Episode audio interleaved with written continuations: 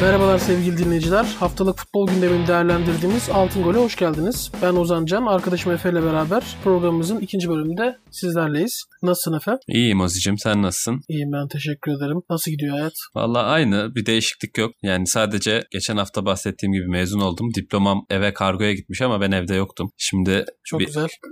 kargo şubesine gidip ufak bir mezuniyet töreni yapacağım. Ya zaten çok mezun olduğunda inanmamıştık ama ya bu da iyice şüpheleri arttıran bir durum oldu yani. Onu söyleyeyim. Mesela ben de iki sene önce mezun oldum ama hala diplomam yok yani. Sen benden önce diploma alacaksın gibi bir durum olacak. O biraz saçma olacak ama Aynen Ben öyle. üşa- Sen de üşengeçlikten diploma almaya gitmedim yani. Böyle bir de karizma harekette bulundum.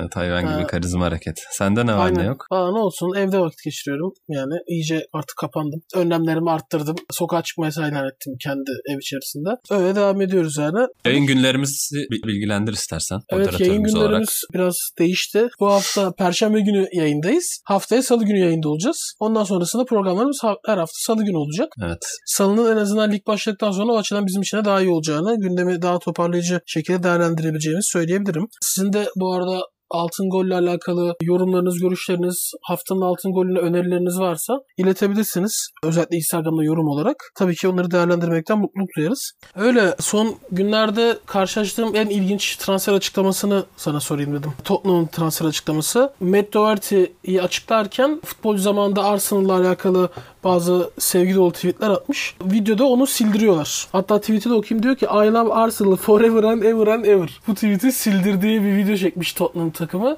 ve o şekilde açıklamış transferi. Sen nasıl değerlendiriyorsun bunu? Tottenham hem kendi oyuncusunun zamanında Arsenal'da olduğunu çok net bir şekilde kabul edip bunu anlatıyor ve sildirdik tweet'i şovu yapmış. Oyuncunun Evet. hareketini nasıl buluyorsun? Yani tabii Türkiye'de bir benzeri olsa muhtemelen cinayet falan bile çıkabilir yani ama ben, benim hoşuma gitti bayağı yani oradaki dediğin gibi oyunculuk güzel ama yani profesyonel futbolcuysan böyle büyük de konuşmayacaksın onun da bir örneği. Yani orada forever ever and ever yazmış ama 7 sene sonra silmek zorunda kaldı. Ama bence hoş bir yaklaşım yani böyle farklı keyifli bir paylaşım benim hoşuma gitti yani güldüm bayağı tepkisine Doherty'nin sildikten sonra. Ya sosyal medya gerçekten hani ben kullanırken de hep arada düşünüyorum ama yine de insan kendine engel olamıyor. Yani ileride ne olacağını bilmiyorsun. Zaten hayatın güzel yanı bu yani. Ama ileride mesela atıyorum tanınan önemli bir insan olsam veya onun dışında bir konuma geldim ve geçmişte onunla alakalı farklı bir laf etmiş olabilirsin sosyal medyada yani. İnsan sürekli bunu düşünerek abi hareket edemez ki hayatta. Çok rahatsız edici yani. Ha, unutulma olayı var ya hani sosyal medya onu unutturmuyor. Acayip Evet. bir şey yani. İleride tabii sosyal medyanın konumu ne olur bilmiyorum bundan 10 yıl sonra da. Ya insanların ben bu tarz şeyler yazmasını da normal buluyorum ya. Ya adam ya yazmış olabilir ya zaten Arsenal'daymış. Tottenham'da da oynar yani gayet. O tarz şeyler oluyor. Yani Ama sorun ol- olmaz zaten tabii- sadece bir gönderme olmuş yani. Yani tabii. İleride Arsenal'da oynamaz inşallah abi. Tekrar o videoyu sildiği bir şey yaparlarsa. Hiç belli olmaz. Aynen olabilir yani. O zaman gündeme geçeyim. Hocam izinden. ileriye gitmek demişken Dark'ı izledim bu hafta. Ha evet ondan bahsetme. Hakikaten beynim yandı ya. Böyle bir şey olamaz yani. Senin Almancan da iyidir zaten yani onu da biliyoruz. Al- Almanca muhteşem aynen. Yani dört kur ders verdim Boğaziçi Üniversitesi'nde. Hiçbir şey bilmiyorum. Neyse o ayrı bir konu. Böyle soru işaretleri gittikçe artıyor. Üçüncü sezonda falan artık ben ne izliyorum baba diyorum kendi kendime yani böyle son 3-4 bölümde falan artık sonu gelsin diye boş boş ekrana bakıyordum salyalarımı aktarak falan. Ama sonunu beğendim. Güzel bağlamışlar. Yani herkesin izlemesi gereken bir dizi. Çoğu insan Almanca'ya önyargılı yaklaştığı için izlemiyor. Sen de onlardan birisin bildiğim Aynen. kadarıyla ama bayağı güzel bir dizi. Biraz izleyince de alışılıyor. Yani ben de sevmem Almancayı ama öneririm herkese yani. Evet Efe Bayraktar'dan da dizi önerisini aldık. Aynen öyle. Ben de izlerim belki bir ara. Yani Almanca olmasa kesin seyrederdim de. Ya sürekli La Casa de Papel'in sıkıntısı da o mesela. Onu sevmiştim izliyordum. İspanyolca daha güzel yani. Ama alt dizi sürekli çok net bakman lazım. Hiçbir şey anlamıyorsun abi. O çok büyük sıkıntı. Ama dizi çok güzeldir muhtemelen çünkü bayağı tuttu yani bütün dünyada. Evet. İzlenir ya ben de izleyeceğim herhalde. Abi bende de bu Zaten dil takıntısı vardı. Ha. Ben bunu mesela Parazit'le yıktım. Parazit'i çok uzun bir süre ya Ha. Ko- Korece kim izleyecek falan diyordum. Hasta oldum filme yani. Böyle dil bariyerini bayağı bir yıktım kafamda. Ve farklı yapımları izlemek de hoşuma gidiyor o zamandan beri. Doğru söylüyorsun. O zaman sen de haftaya Fransız sanat filmleriyle alakalı istiyorsan. Çok kısa olur muhtemelen. Aynen. Başlamadan biter. O zaman gündeme geçiyorum. Evet hadi bakalım. Bu sefer Türk futbolu ağırlıklı bir gündemimiz var. Geçen hafta lanet olası Avrupa futbolundan bahsetmiştik. Bu hafta Evet. liglerin şahı, e, futbolun zirvesi Türk futbolundan bahsedeceğiz. Şenol Güneş'in açıklamaları var TRT Spor'a. Onlardan biraz bahsedeyim. Diyor ki kulüplerin borçları var. Neden? Türk oyuncular pahalı deniyor. Az olduğu için pahalı. 2 yumurta varsa değeri artar. 20 varsa azalır. Üretim yapmalıyız. Şimdi bu teşbihte hata olmaz olayı var ya yani Şenol Güneş gerçekten atasözünün sonuna kadar hakkını insan. Yani her muhtemelen tespitinde bir teşvik kullanma olayı var. Devam ediyorum açıklamaya. Altyapının federasyonun denetimine yeniden organize edilmesi gerekiyor. Ben bunları deyince o zaman yap diyorlar. Kasım ayında maçlar bittikten sonra ben bunlarla uğraştım. Fikirlerimiz var ama fikirler yetmez. Doğru olsa bile iyi, iyi uygulanabilir olması lazım. Yabancıya karşı değilim. Yerli oyuncunun üretilmesinden yanayım. Yabancı oyuncular için kriter olsun diyorum. Türk futbolu için söylüyorum. Evet. Ne düşünüyorsun? Yani genel olarak programı izledim. Böyle samimi güzel açıklamalar yaptı. Yani her zamanki doğallığıyla. Ama bu yabancı kontenjanı konusuna çok girmek istemiyor. Böyle etliye sütlüye çok karışmak istemiyor bir, gibi bir havası vardı. Genel olarak federasyon konularını falan konuşmayacağım diyor ama yani bir rahatsızlığı seziliyor genel federasyondan. Ama yabancı kısıtlaması konusunda yerli havuzu biraz daha artacak direkt olarak baktığında. Ya bunun eksileri artıları çok detaylı bir konu. Ben de yani şu andaki yeni yabancı kuralının taraftarı kesinlikle değilim ama yani milli takım teknik direktörünün de yerli oyuncuların haklarını koruması lazım. Yani standart yapılmış bir açıklama gibi geliyor bana ama Beşiktaş'tayken de 10 yabancıyla çıktı Avrupa maçı oldu yani. Aynen o konuda da zaten bir cevabı var. Aynısını hani bu konuda beni eleştiriyorlar diye. Ama ben o dönemde çıkardığım altyapıdan futbolculara da bakın diyor yani. Şimdi oynayan altyapıdan futbolcuları ben o zaman çıkarmıştım diyor. Ben yabancıya da karşı değilim diyor onun üzerine söylüyor hatta. Ya mesela bence ya yerli futbolcuyu savunması olacağı çok doğru. Ama yerli futbolcunun tanımı nedir? Ya Türk futbolcu başka bir şey, yerli futbolcu başka bir şey şimdi. Ya ben mesela yerli futbolcu konusuna %100 katılıyorum ama Almanya'dan gidip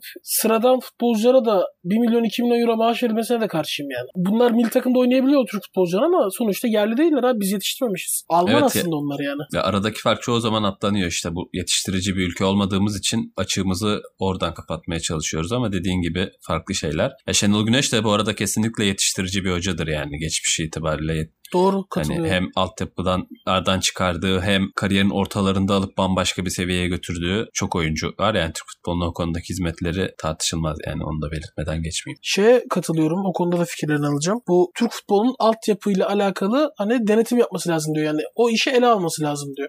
Evet yani zaten burada en büyük sorun öz kaynağı herhangi bir yatırım yapılmadan yabancı kısıtlamalarıyla bir anda inanılmaz oyuncular yetişeceğini zannetmek. Yani sorunun temelinden ele almamak. İşte hep konuşuluyor bir önceki önceki kuralda kuralın temelinde yatan şey aslında yerli oyuncu teşviğiydi ve bir anda bir toplantıyla kaldırıldı. Orada o sene Bursa'nın Gençler Birliği'nin alacağı paraların üstüne yatıldı amiyane tabirle. Eğer o olsaydı belki çok daha iyi bir durumda olabilirdi Türk futbolu. Ya sadece bu da değil. Hem oynatmada sıkıntı var hem yetiştirmede sıkıntı var. Yani mesela genç yerli oyuncuların ya da öz kaynağından yetişmiş oyuncuların oynama oranıyla alakalı Altın Ordu'nun çok detaylı bir araştırması var. Bu korona dönemini öyle geçirmişler. Avrupa'nın altyapı kulüpleri araştırması adında. Yani 18 yaşın altında en az bir sene geçirmiş oyuncularını lig maçlarında kulüpler ne kadar oynatıyor diye Avrupa'nın 32 ligini ele alarak bir araştırma yapmışlar. Hem ligler bazında hem kulüpler bazında. En büyük 23 lig arasında yani bir 5 büyük lig var. Sonra da 18 lig belirlemişler birinci seviye olarak. Toplam 23 ligin arasında Türkiye 21. sırada. Sadece %3 öz kaynağından yetişmiş oyuncuları oynatmış. İnanılmaz.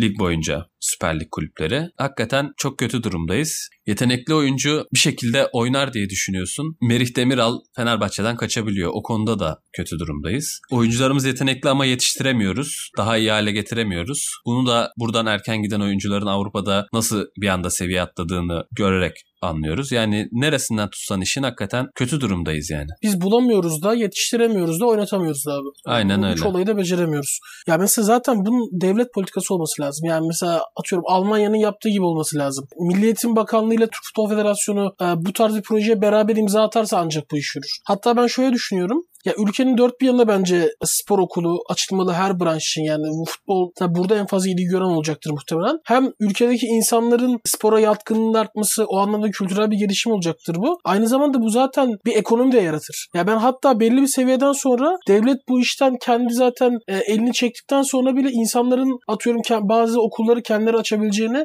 yani en azından belli bir miktar sermayesi olan insanların uzun vadede bu işten belli bir ekonomi yaratabileceklerini yani bunu girişimcilik olarak görebileceklerini düşünüyorum. Yani Altın Ordu örneği gibi. Ya sen gidip orada bazı illere önemli okullar açsan mesela kişi olarak buna kendin sponsor olsan sonra ileride bunu önemli kulüplere satıp belli maddeler koysan satış payından önemli paralar kazanabilirsin yani. Sen burada dünya kadar ne satsan o milyon euroları kazanamazsın yani. E, aynen öyle. Altın Ordu'nun mesela bir futbol akademisi var. Yani 8 yaşından itibaren alıyorlar. 8 yaşındaki çocuğun dersini de veriyorlar. Futbolunu da oynatıyorlar. Ders programlarına internetten ulaşabiliyorsun yani normal eğitim programlarına futbol haricinde. Ya, o kadar sistemli bir yapı var. Tabii onlar da çok ekstra bir örnek yani onun herhangi bir benzeri yok zaten. Şenol Güneş de değindi mesela ama geçen sene A takımları bayağı başarısızdı 14.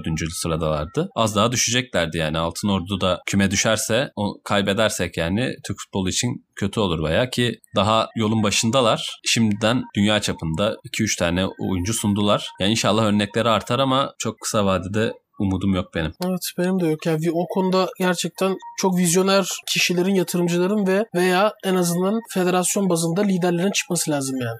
Duayenlerin çıkması lazım ki yönlendirsin bize. Yani Şenol Güneş bu milli takım işi ayrı bir iş. Bu yetiştiricilik ayrı bir iş. Belki o konuya herhangi bir tekrar atanabilir. Orada bazı projeler getirebilir. En azından bilgili ve yetiştirmeye önem veren biri. O zaman haftanın altın golüne geçiyorum ben.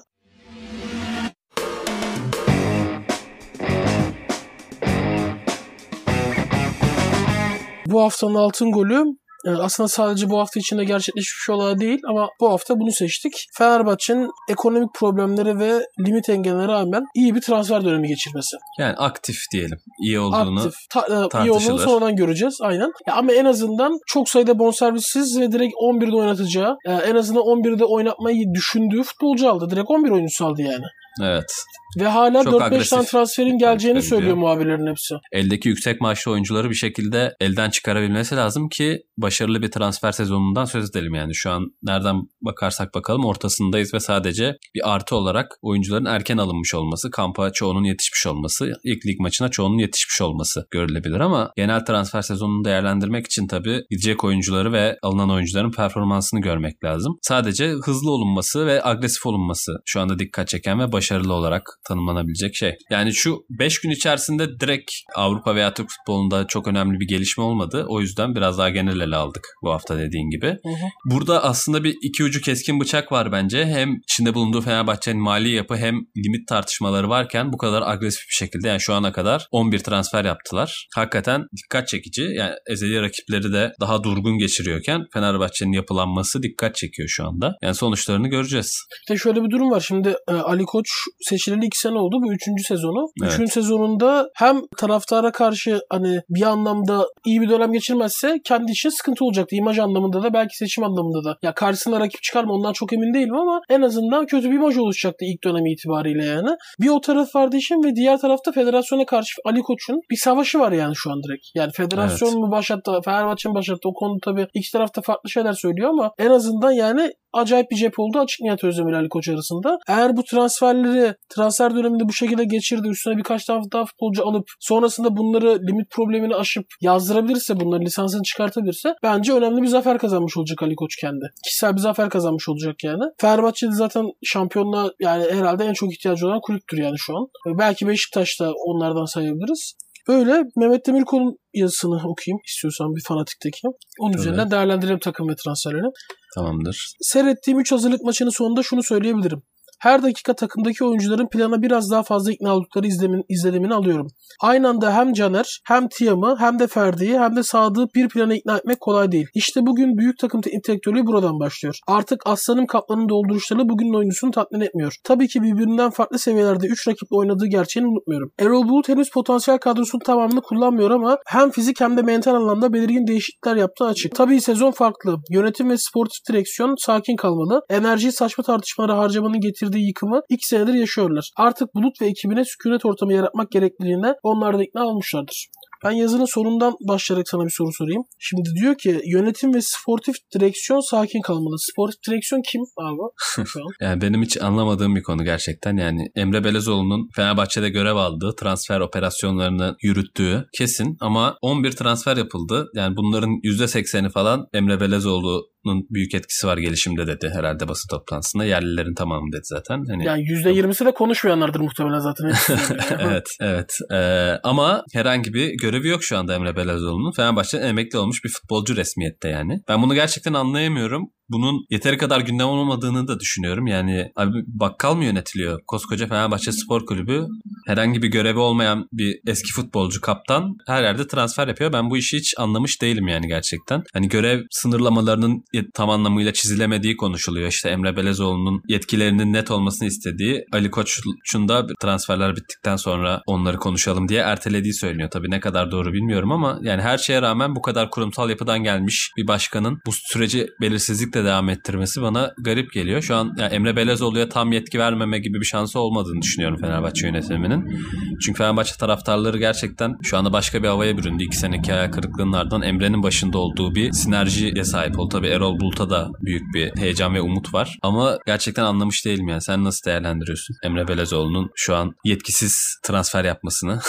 Abi Fenerbahçe camiası gerçekten inanılmaz bir camia. Yani şu anlamda e, şu an mesela hocayla Emre Belezoğlu arasında veya yönetim arasında bir sıkıntı yok değil mi res yani? Herhangi bir şey bilmiyoruz bununla alakalı. Ama bu böyle devam ederse hani bak senin de bahsettiğin iddialar var ya bunlar kuvvetlenir. Yani sen bu sınırları net çizmezsen bunları açıklamazsan yani yok yere kriz çıkaracaklar yani. Ki Fenerbahçe zaten en sevdiği şeydir o. Kriz çıkarır yani ve ya bu kadar şu ana kadar psikolojik anlamda inanılmaz Fenerbahçe şu an yani zirvelerini yaşıyor. Ben son günlerde böyle bir şey hatırlamıyorum. Kamp, iletişimi kulüp inanılmaz yürütüyor bu arada. Topuk arasında her futbolcu röportaj yaptılar. YouTube'u taraftarlarla iletişim falan inanılmaz ya. Acayip bir düzeyde. Tek eksik Emre Belözoğlu abi şu an. Ya Emre çıkıp konuşsa ki ben onu bekliyordum ya. Bu da söylendi. Emre tarafından söylendi. Çıkıp konuşacağız diye. Emre çıkıp konuşsa coşacak yani. Acayip bir sinerji patlaması olacak. Ya anlam veremiyorum ya. Yani ben Emre'nin de bundan rahatsız olduğunu düşünüyorum. Gidip zorla kulüp basıp beni açıklayın diyecek hali yok herhalde yani. Kim rahatsız olmaz ki böyle bir durumdan? Bir iş yapıyor ve yani resmi bir görevi yok. Bundan herkes rahatsız olur diye düşünüyorum.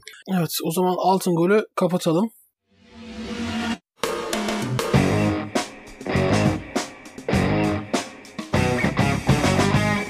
Sergen Yalçın'ın açıklamaları var. Sivas Spor maçının ardından. Sivas Spor maçında da Beşiktaş son dakikada yediği golle kaybetti. Maçın büyük bölümünde 10 kişi oynadı zaten. Durkan kırmızı kart gördü. O yüzden Sergen Hoca da biraz hani agresifti yani zaten çok eleştirildi bu aralar. Hem yönetim hem Sergen Hoca. sonra. Evet. Yani Pauk'a elendikten sonra. Diyor ki kendisi Pauk maçını neden kaybettik? Bununla ilgili detaylı açıklama yapacağım. Çok erken bazı şeyleri bekliyoruz. Beklememeliyiz. Sezon bitti. Üçüncü bitirdik. UEFA'ya direkt katılmamız gereken bir pozisyon yakaladık. Trabzonspor'un cezasından dolayı Şampiyonlar Ligi bize düştü. Normalde Eylül ayında katılmamız gereken bir turnuvaya 10 günlük bir hazırlık süreciyle çıktık. Takımı takip etmediği için aylarca oynamamış oyuncularımızın olduğunu kimse farkına değil. 10 gün ile maça çıkan bir oyuncu grubu var. Saha içi organizasyon anlamda sıkıntı yaşadık. Kabul ediyoruz ama nedenleri var. O kadar sıkıntı yaşadığımız oyunda bile kırılma anları vardı. Dönmek için çaba sarf ettik ve dönebilirdik de. Bizim PAOK'a elenmemizin bu kadar tepki neden olması şaşırtıcı. Yunanistan'ın en güçlü takımlarından yeniyiz. Hazırlanma zamanı bulamadık ve iyi bir takımla oynadık. Şimdi e, son açıklamasını da okuyayım hatta. Beraber değerlendirelim. Diyor ki takımı kurma aşamasındayız ve çok ciddi eksiklerimiz var.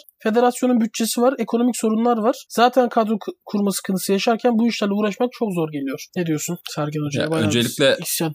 Ya Sergen Yalçın her zaman son derece dobra açıklamalar yapıyor. O konuda çok beğendiğim bir hoca benim yani. Evet. Burada da öyle davranmış. Haklı olduğunu da düşünüyorum genel anlamda. Şu anda Beşiktaş'ın çok eleştirileceği bir durum yok şartlar göz önünde bulundurulduğunda. Geçen hafta da konuşmuştuk. Yani hazırlık maçı yapılmamasını falan ben anlamamıştım. Ama 10 günlük bir hazırlık süreci gerçekten çok zor yani bir maça hazır olması takımın ki çok eksikleri var transferler. Yapılmadığı santrafor transferi, kaleci transferi yapılacaktı. Belki bu maçtan sonra yapılmayacak. O da bir kazanım oldu. Ama ama Pauka elenmesi garip değil bence de. Üçüncüyken direkt gruba gidecekken gerçekten şimdi ön elemelerde boğuşması Beşiktaş'ın garip bir durum. Yani sistem o konuda gerçekten sıkıntılı bence. Ya şöyle söyleyeyim benim yorumlarım şöyle. Ki Trabzon cezası gayet önceden belliydi. Yani üçüncü olmak için Beşiktaş uğraştı. Şampiyonlar Ligi şansı yakaladı. Yani bunu bir olumsuzluk olarak görmesini de çok anormal karşılamıyorum yani bu arada. Ben hep söylemişim de yani zaten Şampiyonlar Ligi önlemesinden geçemiyor bizim takımlarımız. UEFA'ya üçüncü gitmek yani direkt katılmak gruplara çok çok daha iyi bir şey yani o anlamda. Ama bu sene sistem biraz daha farklıydı. Yani tek maç üzerinden de. Bu şansı bence değerlendirebilirdi. Burada gerekli hazırlığı yapmaması eleştirilir gayet. Ayrıca bence insanlar Pauk'a elenmesini tek başına eleştirmedi. Eleni şeklinde eleştirdi. Yani ilk yarı skandal da abi Beşiktaş. Ya maç 5-6'ya girebilirdi gayet yani. Genç kaleci orada penaltı çıkarmasa belki maç çok çok dramatik yerlere gidecekti yani ve bunu özellikle yani bu ilk yarıdaki bu oyunu görüp ikinci yarı Beşiktaş'ın gayet top oynadığını gören insanlar da eleştirirler. Kimse kusura bakmasın yani. Hem Sergen Hoca'nın oradaki değişiklikleri eleştirir. İlk 11'i çıkardığı 11 eleştirilir. Eleştirilir. Hem de madem siz bu takımla kafa kafaya oynayabiliyordunuz niye ilk yarı bu kadar zayıf bir oyun gösterdiniz diye de eleştirilir. Yani Beşiktaş teknik direktörünün bu konularda tenkit edilmesinden daha doğal bir şey yok bence. Ya ilk yarıdaki futbol çok ayrı bir konu evet. O oynatmaya çalıştığı oyun da maç seçimi için ve kadronun fizik durumu için doğru değildi. O konuda kesinlikle eleştirilebilir. Yani ben elenme elenmesi garip değil diye düşündüğüm için. Tabii ki garip değil. Elenir yani. Is, isyanını biraz anladım ama dediğin gibi saha içinde ilk, ya ilk 30 dakikada korkunç bir görüntü vardı. Ee, o zaman kapatıyorum Beşiktaş konusunu. Galatasaray'a geçelim. Mustafa Cengiz'in açıklamaları var. Mustafa Hangi Cengiz... açıklaması? Bir 261 tane açıklama yaptı herhalde son evet, bir ayda ya, ama. Mustafa Cengiz gerçekten ya ben hayatımda bu kadar fazla açıklama yapan bir başkan görmedim. İstisnasız her gün yapıyor. Mesela bir aç hani gündemi beraber program öncesi konuşurken ben bir açıklamasını attım sana. Sen başka bir açıklama yaptın. Bir saat önce yapmış yani. Ya bir kere başkan çok yorgun gözüküyor. Geçmiş olsun dileyelim. Yani bayağı bir evet, geçmiş hani sol çökmüş evet, gerçekten. Evet ya o anlamda da sağlık durumuyla alakalı hani sıkıntıları var. Ya ona rağmen bu kadar ekranda olması sürekli gündeme dair bir şeyler söylemeleri ben yanlış biliyorum. Bir kere yüzünü eskitiyor yani o anlamda. Ve sürekli mesela şey yapıyor. Hani Galatasaray kulübünün büyüklüğünü anlatmaya çalışıyor. Mesela şey açıklaması var ya Galatasaray Türkiye'de futbolun kıblesidir. Hani Galatasaray bir futbolcu isterse alır falan filan. Ya abi bu tarz açıklamalara gerek yok ya. Ya sen Türk futbol kamuoyuna Galatasaray'ın büyüklüğünü niye kanıtlamaya çalışıyorsun? Ya Galatasaray zaten büyük yani. Neyse açıklamaya geçeyim istiyorsam. Galatasaray TV'de taraftarı sesleniyor direkt. Taraftarımızın bizden beklentisi var. Özellikle orta sahaya transfer istiyorlar. Çok haklılar. Ben de bir taraftar olarak aynı istekleri yapıyorum. 2,5-3 yılda 38'e yakın bir futbolcu transfer etmemize rağmen Galatasaray o kadar büyük bir marka ve o kadar büyük bir takım ki beklentilerimiz devamlı üst düzeyde. Beklentiler tek taraflı değil. Benim de taraftardan beklentilerim var. Onların bütün dediklerine katılıyorum. Onların da desteğiyle en kısa sürede halledeceğimize inanıyorum. Ondan sonrasında gücümüz sizsiniz kampanyası e, kapsamında taraftarı storelara gidip buldukları her şeyi alması çağrısında bulunmuş Mustafa Cengiz. Ya yani bu tarz istekleri bütün kulüpler yapmaya başladı artık zaten. Sadece bu direkt store'a yönlendirmiş taraftarlara. Ama şey diyor yani store'a gidin alışveriş yapın ki biz de orta sahada alalım diyor. Ya zaten böyle bir şey çok mümkün değil yani. Bunu Az Yıldırım denemişti biliyorsun yani Yandex'te arama yaparsan Robben gelecek diye. Öyle bir şey olmuyor. Nasıl değerlendiriyorsun Mustafa Cengiz'i Galatasaray'ın şu anki durumunu? Ya şu anda her yere yetişmeye çalışıyor Mustafa Cengiz. Her konu konuda açıklama yapıyor. Ve Fatih Terim hiçbir şekilde hiçbir açıklamada bulunmuyor. Ona zaten İnanılmaz bir şey. değiniriz. Ona değineceğiz. Aynen. İlginç bir durum var yani Galatasaray'da. 38 transfer yapılması bir meziyet değil. Transfer Korkunç şey sayısının bir ölçek olarak konuşulması bile saçma. Ya benim en dikkatimi çeken bu Galatasaray'ın içinde bulunduğu durumda. Ya mesela Mert Hakan Yandaş'la alakalı çok ciddi bir çekişme oldu. Sonunda oyuncu Fenerbahçe'ye gitti. Galatasaray'da Emre Kılınç'ı aldı. Yani benim nazarımda Emre Kılınç daha değerli bir oyuncu. Daha uzun süredir ligde oynayan, daha uzun süredir süredir milli futbolcu. Mesela Emre Kılınç'ın transfer açıklamasında tamamen Mert Hakan Yandaş'a gönderme yaptı Galatasaray. Yani Emre Kılınç'la alakalı herhangi bir şey yoktu tamamen Galatasaray beni aradı ben de geldim diğerleri gibi yapmadım. Mesajlı bir açıklamayla mesela Emre Kılınç'ı duyurdular. Bana gereksiz geldi yani baya. Ya bugün de beraber video attı mesela yani Mert Hakan'la Emre Kılınç. Ya onlar iyi arkadaşlar zaten de. Hani ya ga- onları bu duruma düşürmeleri de kötü değil mi ya? Evet Yazık o da adamlara. kötü. Aynen. Yani mensah transferinde benzer tartışmalar oldu. Çok fazla Mustafa Cengiz'in bu konuyla alakalı açıklamaları oldu. Yani biraz Galatasaray'ın büyüklüğünü bence önce kendisini fark edip kendi camiasıyla daha çok ilgilenmesini ben tavsiye ederim. Ve yani eksikleri var Galatasaray'ın. Galatasaray da transfer döneminde çok aktif geçirmiyor. Yani net bir ön libero ihtiyacı var ve hani ligin başlamasına 10 gün kaldı. Ciddi problem görüyorum ben Galatasaray'da. Geçen seneki Şampiyonlar Ligi etiketiyle getirdiği kiralık oyuncuların seviyesinde oyuncuları getiremiyor bu sene. Öyle bir etiket olmadığı için. E Fatih Terim'in de ruh hali biraz sorunlu gözüküyor. Kalede hala ciddi bir problem var Fatih Öztürk alındı ama ben Fatih Öztürk'ün ligin en iyi 10 kalecisinden biri dahi olduğunu düşünmüyorum. Hatta 15 bile derim de abartmayayım o kadar. Yani... Fatih Öztürk emekli olacak abi bu açıklamalardan sonra muhtemelen. yani ligin en kötü kalecilerinden biriydi bana kalırsa geçen sene. Ben şaşırdım yani Fatih Öztürk almalarına o anlamda. Yani Falcao'nun sakatlık durumu bu sene nasıl olacak? Bu önemli. Cagne mesela. Cagne var. Hazırlık tamam. maçında bir gol attı. O da enteresan bir hikaye olabilir bu sene. Evet ya yani ben Fatih Terim'den Cagne'den Arda Turan hani, gibi bir hikaye var zaten. Ya çok kapalı kutu şu an Galatasaray. Ya mesela Fatih Terim mesela buradan iyi bir şey çıkartırsa inan tarih yazar yani ben diyeyim. Çünkü yani öyle bir özelliği de var Fatih Terim'in de. Yapar evet yapabilir yani. Şimdi Cagne abi mesela Falcao Cagne ikilisinden verim almak müthiş bir şey, bir şey olur yani. Çünkü Falcao zaten sezonlarda kaç maç oynayacağı belli değil. Tamamen sürpriz yani. Cagne mental olarak çok çok sıkıntılı bir adam. Ya o ikisinden gerçekten iyi bir hücum performansı alırsa acayip olur yani. Ya çünkü çok top seviyede ulaşabilir o. Ama çok kötü de olabilir. İşte ortası olacağını düşünmüyorum ben onun. Arda kamuoyuna verdiği mesaj şeydi. Atletico Madrid'den bile daha ya o dönemimden bile daha fitim diyor. Daha zayıfım diyor. Ya bayağı çalışmış, bayağı hırslı. Yani Arda Turan bence ayrıca değerlendirelim bunu bir programda ve sene içinde de göreceğiz. Çok merak Ben ettim. sahada görmek istiyorum. Bir görelim de Ben de hakikaten. ya çok merak ediyorum. Arda çünkü bir şey ispatlayacak o belli yani. Ya onun da ortası olmayacaktır bence. Ya inanılmaz bir hikaye olacak ya da korkunç bir hikaye dönüşecek kendisi için. Onu çok ayrı değerlendirmemiz lazım. Ya onun dışında hala mesela Belhanda hala satılma dedikoduları var abi. Belhanda geldiğinden beri satılıyor. Ben böyle bir şey görmedim ya.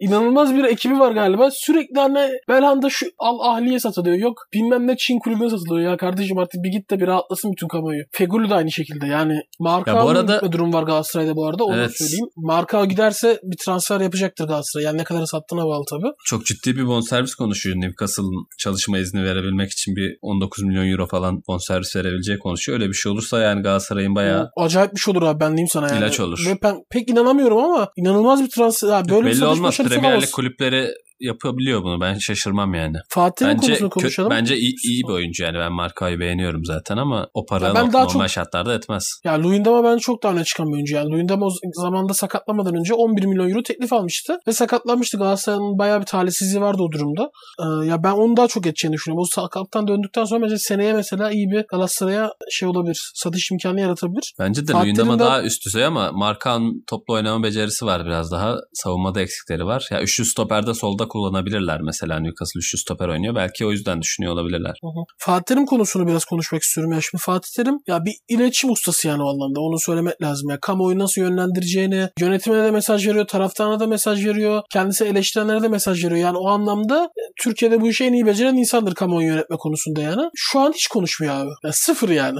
Fatih Terim sıfır konuşuyor ve hiç karşılaştığımız bir durum değil yani bu. Ben en son şeyde hatırlıyorum. Fatih Terim bu Mustafa Cengiz yönetiminde Dursun Özbek getirmişti. Getirmişti ve Fatih inanılmaz olumsuz bir imajı vardı. Ara Turan kavgası milli takımdan e, ayrılması falan sürecinde. Bir süre hiç konuşmadı. Sadece basın toplantılarında futbol konuştu. Başka hiçbir şey konuşmamıştı. O mesela bir onu hatırlıyorum. Herhangi bir konu konuşmadığını futbol dışında. Burada futbolla konuşmuyor. Yani hiçbir şey konuşmuyor. Çıkan Galatasaray- fotoğraflarda suratı Ha. bayağı asık. Aynen yani çıkan fotoğraflarını demek lazım ona. Verilen fotoğraflarını demek lazım tabii o tartışılır. Yani mesela Orkun Yazgan'ı dinliyordum. Onun sözlerini aktarayım. Kendi zamanında Konya Spor'da çalışırken Galatasaray mesela otele geliyor. Deplasmana gelmiş Konya'ya. Orada mesela Fatih Terim'in fotoğrafını çeken basın mensuplarının fotoğrafları önce Fatih Terim'in iletişim danışmanlarına bayağı da bir ekibi varmış. İletişim danışmanlarını gösterdiklerinde o ekibin onayladığı fotoğrafların yayınlandığını vesaire söylüyordu. Yani şimdi bunu kulüp kendi hesabından yayınlamış. Fatih Terim'in bu ekibinin veya Fatih Terim'in bunu görmeme şansı var mı sence? Bence çok yok yani. Evet haklısın. Ya ben Fatih Terim orada net mesaj veriyor. Ben mutsuzum diyor yani. Beni memnun edin diyor şu an Fatih Terim. Ve sanki Mustafa Cengiz de bunu telafi edercesine her gün konuşuyor abi. Acayip bir konuşuyor. Yani zaten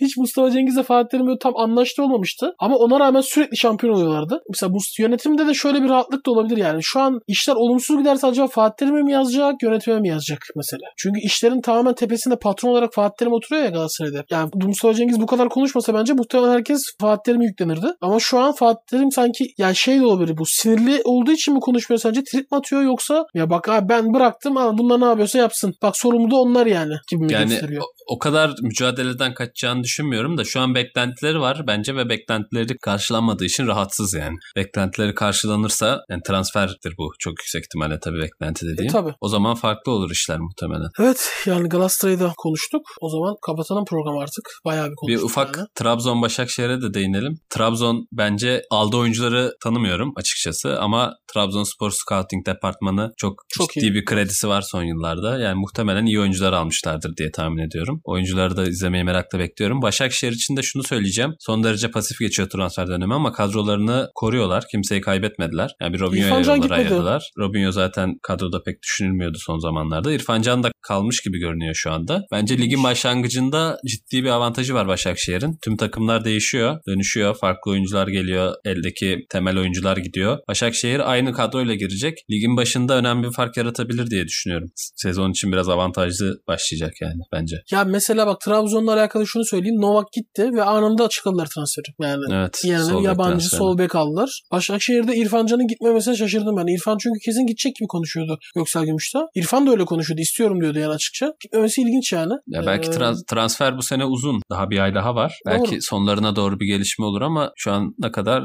beklenen bir teklif gelmemiş gibi algılıyorum ben basındaki. Ama Başakşehir'in avantajlı başladığını ben de düşünüyorum yani. O bir gerçek. Hocası formda, takım formda. Yani acayip bir süre geçmedi. Ve yani kadro iyi. Kendilerine Evet. güvenleri de geldi artık yani. Şu an Başakşehir'in imajı çok başka. Ya Forması biraz reha- Türk bayrağı rehavet- olacak yani. Biraz rehavet olabilir sadece ama bir de Şampiyonlar Ligi ile birlikte götürmek ligin içerisinde sorun yaratabilir. Yani lig geneli için demiyorum. Başlarda biraz fark yaratırlarsa ve o rehavete kapılmazlarsa devamında getirebilirler belki ama tabii bu Evet. sene lig uzun bir maraton bambaşka bir deneyim olacak. Bir de seyircisi oynanması ligin en azından bir süre. O da bir avantaj tabii onu da söyleyeyim. Yani Aynen. mesela açılacak yaramaya devam değil. edecek Başakşehir'e. Aynen. O zaman programımızı bu haftalık kapatıyoruz. Programımızın sonuna geldik. Haftaya tekrar görüşmek üzere o zaman. Sağlıkla kalın diyoruz. Programımız bitti. Görüşmek üzere.